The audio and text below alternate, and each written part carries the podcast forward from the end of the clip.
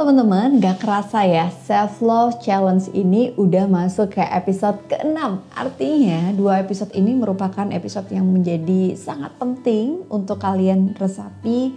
Dan harapan aku sih setelah kalian nonton 7 episode ini Kalian lebih mencintai diri teman-teman semuanya. Oke aku mau nyapa dulu. Assalamualaikum warahmatullahi wabarakatuh teman-teman. Thank you ya udah nonton Alsa Channel terus.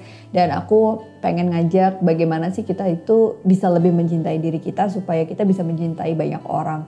Tahu nggak sih permintaan konseling di tengah situasi hari ini tuh meningkat drastis. Mungkin karena kita semakin banyak waktu sendiri di rumah ya. Jadi akhirnya kita semakin mendramatisir setiap kesedihan yang sebenarnya kesedihan itu selalu ada dalam hidup kita bahkan nggak dalam kondisi pandemi kali ini.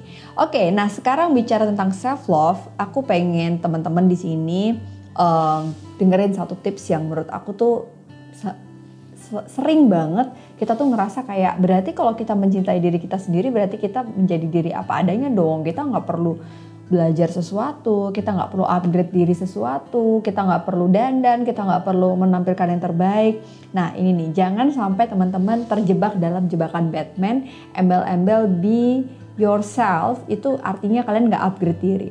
Mungkin kalau bisa diganti adalah be the best version of yourself. Jadi kayak gimana kita mempelajari cara untuk menjadi diri sendiri tapi di versi terbaik. Itu salah satu cara kita untuk bisa mencintai diri kita loh teman-teman. Oke, aku punya tips yang cukup menarik. Yaitu pertama adalah aku lagi nyobain teman-teman tiga hari kemarin sama sekali nggak ngurusin kerjaan, nggak mikirin kerjaan, dan benar-benar spending quality time sama keluarga. Dan ternyata salah satu cara ini tuh cukup ampuh untuk bisa ngebikin aku di hari berikutnya yaitu hari Senin untuk mulai beraktivitas dan lebih ke charge lagi gitu. So you have to give uh, yourself permission to rest. Gimana caranya diri kita itu harus kasih kesempatan untuk istirahat. Bayangin aja kalau kita itu mesin, kita nggak pernah di charge atau kita nggak pernah uh, dibiarin untuk apa ya misalnya kamera nih ya dipakai terus dia nggak pernah di charge dia nggak pernah ditaruh di box tapi dia diminta untuk rolling uh, video terus. Apa yang terjadi? Mungkin kamera ini akan makin lama makin rusak gitu kan dan mungkin bisa dipakai tapi kualitasnya akan menurun atau bahkan sama sekali nggak bisa dipakai. Artinya sama dengan tubuh kita kita butuh istirahat untuk bisa kembali produktif lagi. So jangan khawatir untuk bisa berhenti sejenak untuk memantulkan diri kamu lebih tinggi. You have to give yourself permission to rest.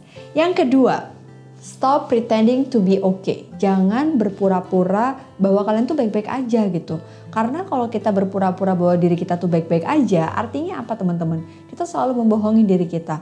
Belajarlah untuk jujur. Contoh misalnya aku capek banget nih, aku uh, males nih ketemu dia, aku lagi pengen istirahat nih aku lagi nggak nyaman nih ngobrol sama kamu gitu. Nah, kalau misalnya kita tidak mungkin menyampaikan itu kepada orang-orang yang bersangkutan karena ada circle atau relasi yang khusus gitu kan. Mungkin kita bisa menyampaikan dengan cara yang halus dan mungkin kita bisa mencurahkan dalam bentuk tulisan atau mungkin suara atau mungkin dengan aktivitas yang bisa mengekspresikan perasaan kamu prinsipnya adalah stop pretending to be okay. Kalau emang kalian nggak oke, okay, kenapa orang orang lain harus merasa kalian oke? Okay? Itu akan melelahkan teman-teman. Nah, sehingga ketika menjadi apa adanya ini, kita itu bukan berarti membohongi, tapi kita berpikir untuk tidak menjadi orang lain. Tidak usah e, merasa bahwa, oh aku tuh selalu harus oke okay terus ya. Gak apa-apa kok, ada saatnya orang itu memang sedang tidak baik-baik saja. We are human and tugas manusia adalah untuk menjadi tidak sempurna. Benar nggak sih? Nah, yang terakhir adalah nih teman-teman, bagaimana kalian bisa mengambil pelajaran di setiap kegagalan kalian. You have to find the lessons in your losses. Jadi kadang-kadang kalau kita gagal, kita mengalami kehilangan, kesedihan, kita selalu berpikir bahwa diri kita itu adalah orang paling menderita di dunia.